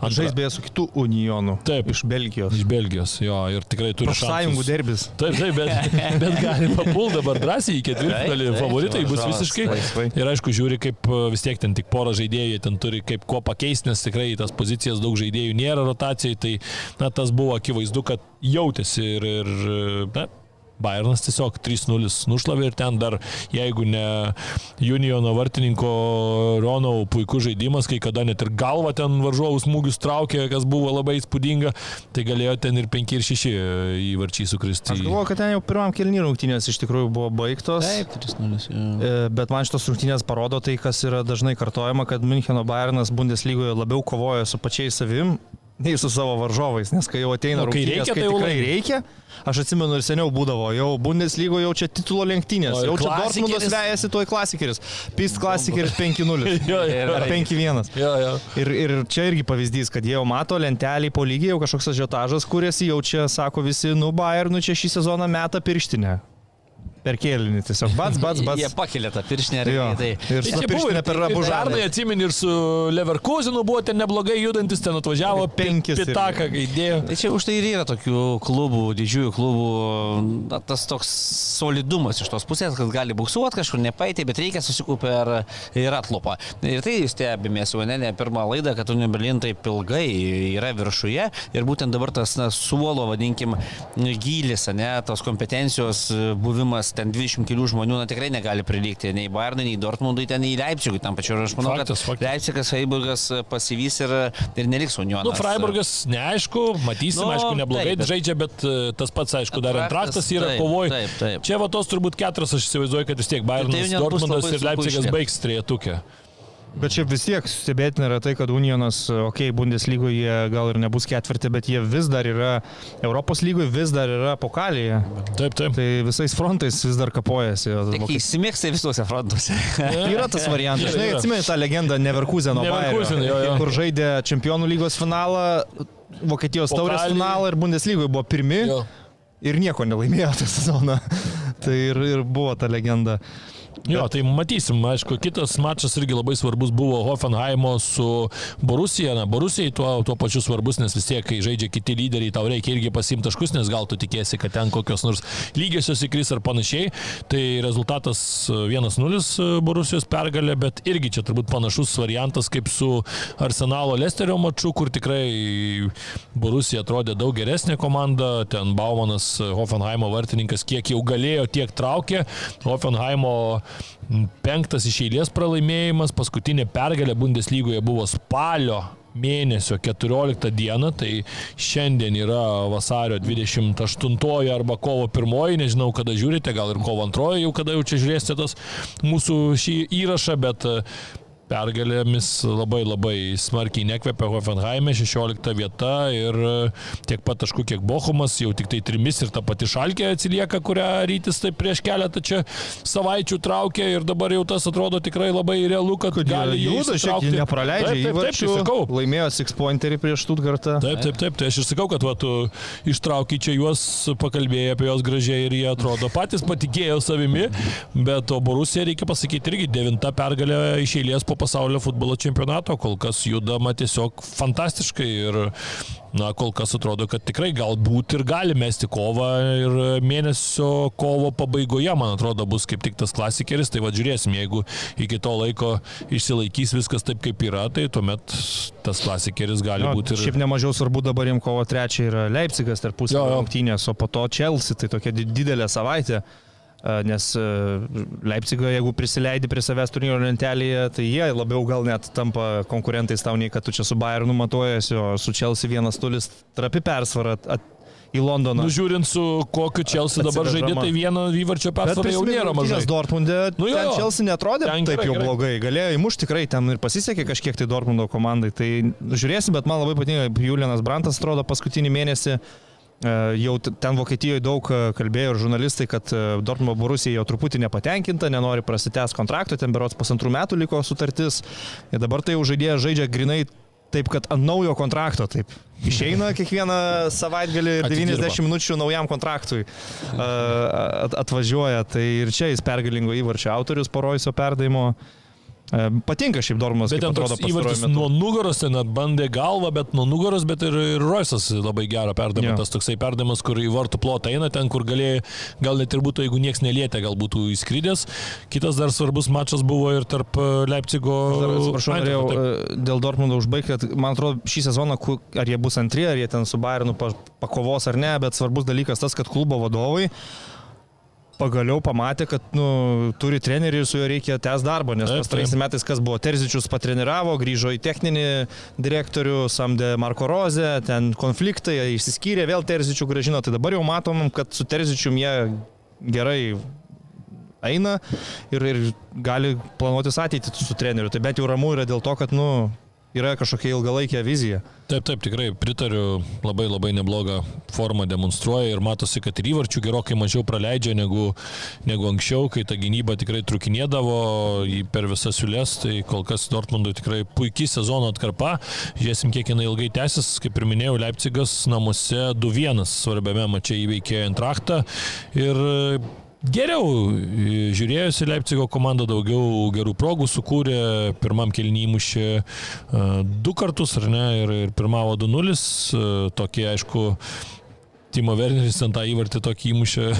Bet įmušė. Į, įnešė į vartus labiau negu, negu įmušė, ten atrodė, kad jau pasiklydo bėgdamas link tų vartų ir jau vėl neišnaudos eilinės progos, bet matom, kad Vokietijoje jam tą šiek tiek lengviau sekasi daryti, bet antram kilny dar Eintrachtas buvo sugrįžęs į rungtynes, e, bet svarbi vėl Leipzigui pergalė tikrai. Jo, Svarbus galbūt pratesimas su rungtynių su Mancitė. Jo. Pirmas kelnis buvo katastrofiškas, antras geras Mancitė kontekste ir dabar vėl tas ta pati pradžia, 45 minutės vėl buvo jų, taip kad e, Leipzigas, dar kalbant galbūt ir apie tas čempionų lygos rungtynės, kur tikrai visiškai komanda, nes tikrai mažiau stebiu Bundesliga, prisipažįstu, tai Leipzigą taip retai matau ir kai pamačiau pirmą kelnį su Mancitė, galvoju, ka- ka- kas čia, kas čia nutikė, o antram jau ta Na, jie visą komanda, laiką žaidžia futbolą. taktinių keitimų, tiek ir, ir sudėties keitimą, ir iš karto komanda pradėjo žaisti kitaip. Hen- Henriksas, kai Ir- ėjo, taip, ten kai jie visi viskas žaidėjai iš pradžių nesuprato, Ir laukiu, ginasi. kada, kada atras priešnuodžių, matyti, antrajame kelyje niekaip, niekaip nesusi, nepersigrupavo, nepasikeitė jų žaidimas, ten to kraštukai nešiojosi, dar lenda į vidurį su kamoliu, daro persvarą, ten visiškas pasimetimas Mansitį. Tai pat perkelant į tą iš antro kelnio į Bundeslygą, tikrai jie ten išlaikė, na, aš tuos momentus galasius pasižiūrėjau, tarsi tikrai komanda, e, na, kaip e, pakilime, vadinkime taip, ne, ir ta pergalė, manau, kaip ir pelnyta, aišku, ta statistika ten apylygė, bet... Ir jie, futbolas. žinai, pastaruoju metu po ilgos traumos gaivina ant kunkų. Taip. Čia vis po pusvalandį, Taip, po pusvalandį jam duoda ir galbūt jau ruošia tam, kad va, dabar svarbiausios savaitės jau, kad, kad būtų pasiruošę startą žaisti su Dortmundu arba su Ar- Man City, nes nu, Inkunkų prieš tą Man City neseniai yra grupėje Čempionų lygos Keturis. Hetrika. Keturis gal net įmušė. 6-3 ten baigė. Ai, šitrys jo. Hetrika mušė, tai yra elitinis žaidėjas, žinai, ir e, manau dabar va, tie visi jo įėjimai po pusvalandį pakeitimo ir yra link to, kad Taip, kad, kad grįžtų į startą. Ja, ja. Ir aš sutinku, kad su Man City ten, nu, pirmas kelinys buvo toks, kur Leipzigas atrodo atėjo 0-0 kaip nors Taip, at, atbūt. Duok dievę. Bet tą klaidą padarė, praleido 0-1 ir kažkaip galvoja, ir jie gali antram kelniui pajungti kitą režimą ir su Henrikso to įimu visai kita komanda pasirodė aikštėje. Ir įmuštas įvartis buvo logiškas tuo atžvilgiu, kad per tas 20 minučių jie dominavo, ėjo link to Taip. įvarčio ir įmušė Guardiolas galiausiai. Aišku, ten kitas teisėjas gal pražangėlė būtų švilpęs. Ten, O nu, ten- taip, ten ten, taip, toks taip. moment, momentas, bet, uždėtos, bet kai jau skaitė, tai įvartį negali turėti šiaip priekaištų iš esmės. Tai o Bundeslygoje labai laukiu jų rungtynių su Dortmundu, bus tikrai labai, labai įdomus mačas. Italija, keliaukim, Napolis čia toliau e, renka pergalės, ten per daug turbūt net nereikia ir į tą pergalę koncentruotis. Empoli uh, prieš Empoli laimėta, laimėta vėl gerų stiliumi žaidžiant, vėl pakankamai greitai viskas ten sutvarkyta, nors antram kilny dar paskui Rui gavo raudoną kortelę, bet ir tai ten nelabai kažkas pasikeitė, o dar lengvina padėti Napoliui, tai kad Interas pralaimėjo rungtynės Bolonijai ir dabar jau atotrukis yra 18 taškų likus 14 mačų ir man atrodo jau niekas nebebejoja, kad Skudėto pirmą kartą nuo 1990 metų jau tikrai sugrįš į Neapolį, nes na kaip čia galėtų kažkas tai iškovoti tiek taškų jau, jau nėra tikrai. Manau, čia yra pamirštas jau Taip, taip, reikalas. nerealu jau visiškai. Jau į Napolį dabar reikia žiūrėti kaip į Čempionų lygos komandą. Tai va aš ir norėjau sakyti, kad man atrodo dabar jau Napolis galės turbūt koncentruotis į Čempionų lygą. Jie labiau. turi pranašumą prieš Eintrachtą po pirmų rungtynių. Kad į ketvirtfinalį išeis turbūt mažai kas čia abejoja, nes namie antros rungtynės su 2-0 Jo. pranašumu. Ir tai čia- penki mačai iki Čempionų lygos trofėjaus. Nu tai va, tada jau žinai, burtai ką lems, tą lems, bet esmė ta, kad tu jau turėsi pranašumą prieš e, daugumą komandų, kad nu, savaitgalį tu gali truputėlį ten pasirotuoti, pasitaupyti, nes pirmauji, nu, tarkim, išeitum žaisti ketvirtfinalį su kokiu ten Manchester City, kur ten jie minus 5 turi nuo arsenalo, kiekvieną savaitgalį jiem reikia rinkti taškus, o tu turi plus 18 pas save. Taip, taip. E, Tai fak, faktas, kad Napoli čempionai, dar neoficialūs, bet manau, kad galim jau paliečiui siūsti e, telegrafus, žinutės, sveikinimus, laiškus, sugražinta šlovė į miestą, o kitos komandos toliau kapojasi dėl, dėl europinių vietų. Čia, manau, visas įdomumas šį sezoną Italijoje. Jo, Milanas su Atalanta turbūt, kad toks buvo kertinis ir centrinis šio turo mačas ir e, verta tikrai išskirti Milaną, atsigavo po tų visų nesėkmių, mes čia jau nurašinėjom juos, jau sakėm, kad vos ne, na, neaišku, kaip jiems čia seksis kovoti dėl čempionų lygos ir taip toliau, bet keturios pergalės iš eilės, jeigu įskaičiuosim ir čempionų lygoje pergalę prieš Tottenhamą, ne vieno praleisto įvarčio per tą laikotarpį, o prieš tai buvo ta banga, kai 12 įvarčių per 3 mačius buvo praleidę, tai tikrai Milano komanda na, sugrįžta, Pioli šaunuolis, labai sunku iš tokių situacijų kartais būna ištraukti komandą, bet parodė ir, ir ten taktinės schemas keitė ir ieškojo žaidėjų ir, ir surado ir naujų talentų ir tikrai labai labai įdomiai sugrįžo jie ir šiuose rungtynėse visiškai kontroliavo rungtynės. Atalanta net kažkiek keistai atrodė tokia, tokia pasyvi puolime. Mes esame įpratę, kad tai yra tokia tikrai gražų futbolą, įdomų futbolą ir atakuojantį futbolą žaidžiantį komandą ir šį sezoną tikrai tą demonstruoja, bet Iš paskutinių penkių rungtynių keturios pralaimėtos. Su Taip. Lacijo ten buvo toks blikstelėjimas, kur labai kokybiškai sužaidė, bet penkių rungtynių serija, per kurią keturi pralaimėjimai ir iš tų keturių rungtynių trys sausos. Jo, jo, bet man labai keistas šitas rungtynės, tai iš vis ten realiai net Jo. šanso kažkokio net la- nelabai gali ir išskirti, kad, kad jie jį Sutikčiau. turėjo. Sutikčiau, nu tas pats vat, mūsų XG rodiklis apdiskutuotas rodo 0,12, tai čia vos geriau už tą patį Lesterio pirstelėjimą Taip, prieš, ir prieš vartų plotą, man atrodo, irgi nepataikė nei vieną smūgiai. Taip. Į vartų pusę, nulis į vartų plotą. Šiaip, žinai, yra tokia profesija krizių valdymo specialistas. Tai galvoju, kad Stefano Pioli šitoj sezono stadijoje ir pasirodė kaip krizių valdymo specialistas, nes po to, kai ten buvo prakiurus gynybo, devyni praleisti varčiai per dvi rungtynės, e, prarasti taškai, pralaimėjimai svarbiose mačiuose ir Italijoje visa žiniasklaida jau pradėjo ten tarkuoti vos ne kaip treneriai ant karštos kėdės. Jo, ten jau maldinių reikėjo ten raminti, jau sakyti, kad mes Taip. čempionų, trenerio, ne, ne, kaip negalima atleidinėti. Tai sugebėjimas iš tokios situacijos taip greitai atrodo išeit, susirinkti porą pergalių seriją, nugalėti Tottenhamo čempionų lygoje ir įsitvirtinti vėl trečioje vietoje po lygiai su Interu taškų, tai manau, kad čia visi komplimentai turėtų eiti treneriui. Nes, nu, lengva yra turbūt kapituliuoti, kai tu gauni 0,4, gauni ten 2,5 nuo, 2,5 nuo Sasuolo, Sasuolo namie, visas pasaulis jau prieš tave atrodo, dar čia žiūrėk viena kita trauma ir, ir turbūt lengviausias dalykas yra nuleisti rankas ir dasibaigti ir, ir užrišti projektą, bet taip greitai viskas su- sustabilizuota, kad tikrai super. Taip, Romos du klubai irgi iškovojo pergalės, tęsia irgi toliau. Tai kad žaidžia dar vienas Romos klubas šiandien, mums vakare, ne? Šiandien žaidžia, bet čia praeitą. Ne, ne, Palauk. palauk. Jie dabar žaidžia 24 Jo, jo, turų jie žais rungtynes. jo su Bet Cremonese, aišku, tu įrašinėdamas jam pergalę gal nebūtinai klysti, nes jie žaidžia su jo, Taip, taip, taip. Aš truputį jo sumaišiau, Vakar žaidė Lacijo. tas rezultatas. Vakar Jo, žaidė Lacijo su, su Jo. Sampdorija. Taip, taip, taip, teisingai. Lacijo laimėjo, o Roma dar žais. Bet jo, aš kažkaip iš karto, Lazio iš karto jau buvau. Silpnokai, žinok, žaidė vakar, bet smėgiai įvartį Luisas Alberto tokį konkretų irgi. Jo, tai dar norėjau pasakyti, kad ta pergalė tai sunki buvo 1-0, išvargo ten nieko labai lengvo, bet pastaruoju metu mes ir kalbėjome apie Lacijo, kad jie buvo šiek tiek tokie pagesę, buvo ir pralaimėjimai, buvo ir lygiosios, ir dabar porą pralaimėjimų išėlės, aišku, ne su stipriausiam komandom, Salernitana ir Samdorija įvyktos, bet kartais gal ir gerai sužaisti, sužaisti su tokiom komandom, kurios yra gale ir kad ir e, prastai žaidžiant, neipatingai gerai, gal tai pavadinkim žaidžiant, bet pasiimtas pergalės ir tu tuomet gali vėl užsikabinti kažkur tai į priekį. Tai čia tikrai Italijoje kova bus užvirusi labai labai rimta, mes tokia visą laiką akcentuojam, o... Ir šiandien beje.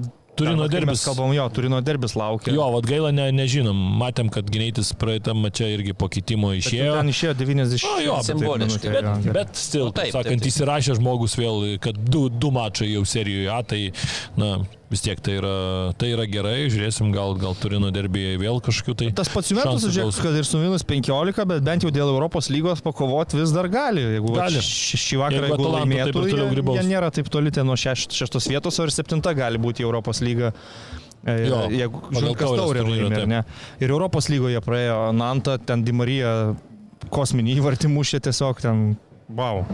Na, ir dabar varžovas bus Freiburgas, man atrodo, Europos lygoje, tai nėra irgi neįveikiama komanda, bet aišku, su vokiečiais ten reikės pavarkti, nes Freiburgas irgi, manau, kad kartais gali sužaisti labai labai gerus mačius ir pa- pasidraskyti. Žodžiu, primena apie savo egzistavimą Juve, nepaisant tų minus 15, bet Allegro. Nors atrodė, kad jau vyrai- nebepakils iš pelenų, ne? Nu. Kitokį gauni. Minus 5. Ir dar beje, ten dar nėra baigti visi procesai dėl jų apeliacijų, kad ten jie vis dar kaunasi, kad tos minus 15 arba atšauktų, arba bent sušvelnintų kažkiek, tai čia dar irgi visokių dalykų gali būti, nežinau, kuo ten viskas pasibaigs, bet e, aikštėje pastaruoju metu jie grįžo kažkaip į tą ritmą ir tai, kas už aikštės ribų vyksta, turbūt palieka žmonėms su kostiumais tiesiog ir kaklaraišiais tvarkyti tuos klausimus. Taip, tai dar labai labai trumpai pabaigai, nes jau turėsim bėgti ir Židrūnas ir aš, ir, ir šiaip gal ir bus geresnis truputį tas laikas, kai trumpiau staupysim jo šiek tiek, nes nebuvo tiek jau daug čia tų fantastiškų mačų šį savaitgalį, bet Prancūzijoje buvo keršto akcija prieš Marselį, išvykoje pasažė 3-0. Na vis tiek, ir čia buvo toks principinis mačas, pamenam tą pralaimėjimą tauriai, lygiai tokiu pačiu rezultatu, skaudų, kai Paryžius ten kentėjo, bet aš tai vėl grįšiu prie to paties, nėra nei Maro, nėra problemų, man atrodo, čia kai buvo no pirlo, no būdavo tie marškinėliai, tai man atrodo, kad kai Neimaras labiau party, tai tuomet pasažė žaidžia geriau ir na, tikrai labai solidus mačas, geri įvarčiai, vienas kitam ten Mesis su Mbappé asistuoja, gera nuotaika, viskas, na, fantastika, Mesis Nuotaika gal 700 pagadino įvartis. Kimpembe Jo, Hilas. jo, jo. Čia aišku, ne, nebuvo geras momentas. Plus kaltie kaip tik šitos rungtynės ir grįžo prie to 3-5-2, Taip. kur sezono pradžioje bandydavo su trim vidurio gynėjai žais, paskui išsidarkė viskas ten dėl traumų, dėl žaidėjų noro gal žais kitose pozicijose, ten Mbappé atsimenam visą tą reikalą, kai jis reikalavo statyti į kraštą kairiai. Čia išėjo su trim vidurio gynėjais, išėjo prieš Marselį, kuris tuo metu buvo penkių taškų skirtumas, kažkiek gal panašiai kaip ir su Bayernu. Čia atrodė, va jau vyksta kažkokios bus titulo lenktynės, atvažiavo į Marselį ir išspardė tiesiog užpakalius. Gal ir Marselis ten kažkiek per, per naiviai pažiūrėjo į savo galimybės, kad mes čia pirmų numerių žaisim, e, įžeidinėsim kamuolį nuo vartų, tarpai gynyboje milžiniški, bai, bai pastovi vienas prieš Mbappé lieka, gintis ir tranzicijoje juos tiesiog Valgiai. sutriuškino.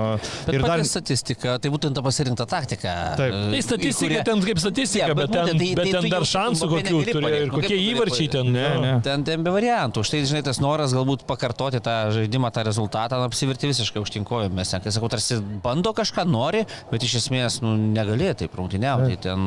Aišku, Marcelis be, be savo dviejų pagrindinių vidurio gynėjų buvo Žygo ir Bambanė Tai žaidėjai, kurie tada yra šiaip balansą, žinai, Bet išlaikyti. jie tikrai įsileido žaisti taip, kad pasažai, jeigu tik perima kamuolį aikštės vidury, tranzicijoje ten medžioklės plotai, Messi su Mbappé ten daro, ką nori. Ir realiai dar ne viską sumušė, jau po pirmo kelnio galėjo ramiai būti 3-0, bet Messi įsigūdino į tuščius vartus, ten dar nepataikyti vieną kartą. Jo, jo. Uh, dabar vėlgi ir šitose rungtynėse, jeigu tu pažiūrėtum vieni tą va, tik žyro rodiklį, kur mes čia dažnai minim, Jo, atrodytų visai apylygus. Bet taip, jeigu taip. matei rungtynės, tai Visiškai. matei ir tai, kad jau kai buvo 3-0, tai tada Donorumą du traukė. Jo, jo, ten. Du tokius jau stiprius, pavojingus traukė ir iš to susideda, kad Marcelis susikūrė progų, bet jie susikūrė, kai jau buvo 3-0. Jau šaušė papirą. Ir, ir jau buvo rungtynės palaidos ir aš sak- sakau, čia tikrai Paris Saint Germainas na, puikiai treneris pajutė, kad šiandien, jeigu Marcelis nori žaisti su kamoliu, prašau. Mes turim savo ginklų, mes e, jais pasinaudosim ir aš irgi sutinku, kad be Neymaro viskas gal kažkiek ir lengviau yra ir treneriui, nes tu turi vienų perteklinių nesiginančių žaidėjų mažiau. Nu, mes žinom, kad Taip, taip. mes į gynybų veiksmų nedarys, netgi buvo įdomi tokia situacija, kai mes pametė bucą. Varžovai tuo metu buvo su kamuoliu aikštės vidurė visiškai prie pat jo, jisai tiesiog atsisėdo ir prie, man atrodo, veretų pradėjo tiesiog tvarkytis taip ramiai savo valinę, kol varžovas čia su kamuoliu praeitai paina. Tada pasažai perima kamuolį, jisai atsistojo, gavo pasą, pasistabdė, žai prieki padavė ir tada toliau ramus eina. Nu, Na jo, tipinis. tai tai buvo, bet, ramybė. Bet, bet jų tie tos kombinacijos, tai Jo, jo, ten buvo kosminis. vienas tikrai. kitam saldainius iš kišenės tik tai mėtė. Jo, ir dar pabaigai apie Prancūziją, jau A, pala, tu, visiškai tai e, galima paminėti apie Mofi šou dar. Sorry, tu sakei, mes 700 įvartis, Taip. ar ne? Tai dar galime paminėti, kad Mbappé 200. ir, ir po to dar 201, 201 taip. jisai aplenkė e, Kavanį kaip rezultatyviausias lygo žaidėjas e, Paryžiaus. Taip, taip, taip. E, Labai gera statistinė grafa. E, Ir dar manau, kad tų įvarčių Paryžiui bus. Aišku, neaišku, kiek jis tenais bus. Bet e. Mofi atidarė savo įvarčių sąskaitą Nicos klube, įmušė du kartus į Monako vartus išvykoj.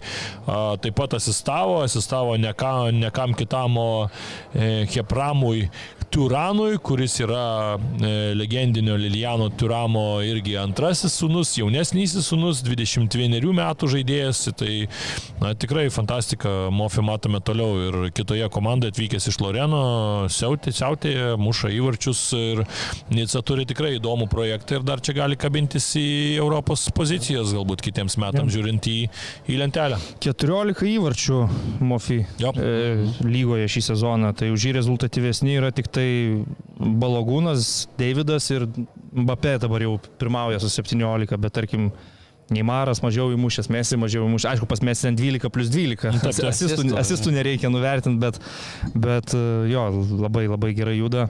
Ir komanda perėjo į komandą, kuri turi neblogų šansus, tikrai atsilieka Jo, nuo... Įdomus projektas. Aišku. Prancūzijoje tai labiau gal yra kova dėl, jiem dėl Europos lygos, ne čempionų lygos, nes Prancūzija neturi keturių vietų į Taip, čempionų lygą, dvi patenka, trečia dar turi žaisti atranką. Nu ir šiaip ten ir Lanas Monako jau po 50 taškų Jo. turi, tai 9 taškai jau sunkiai, čia labiau būtent dėl į Reną, į Lilį galima žiūrėti ten dairytis į viršų. Jo ir plus Nica dabar žaidžia Europoje konferencijų lygoje. Taip, taip. Su šituo. Na nu, tai va, tai gal net ir per, per ten dar gali kovoti. Tiraspolio konferenci- šerifų.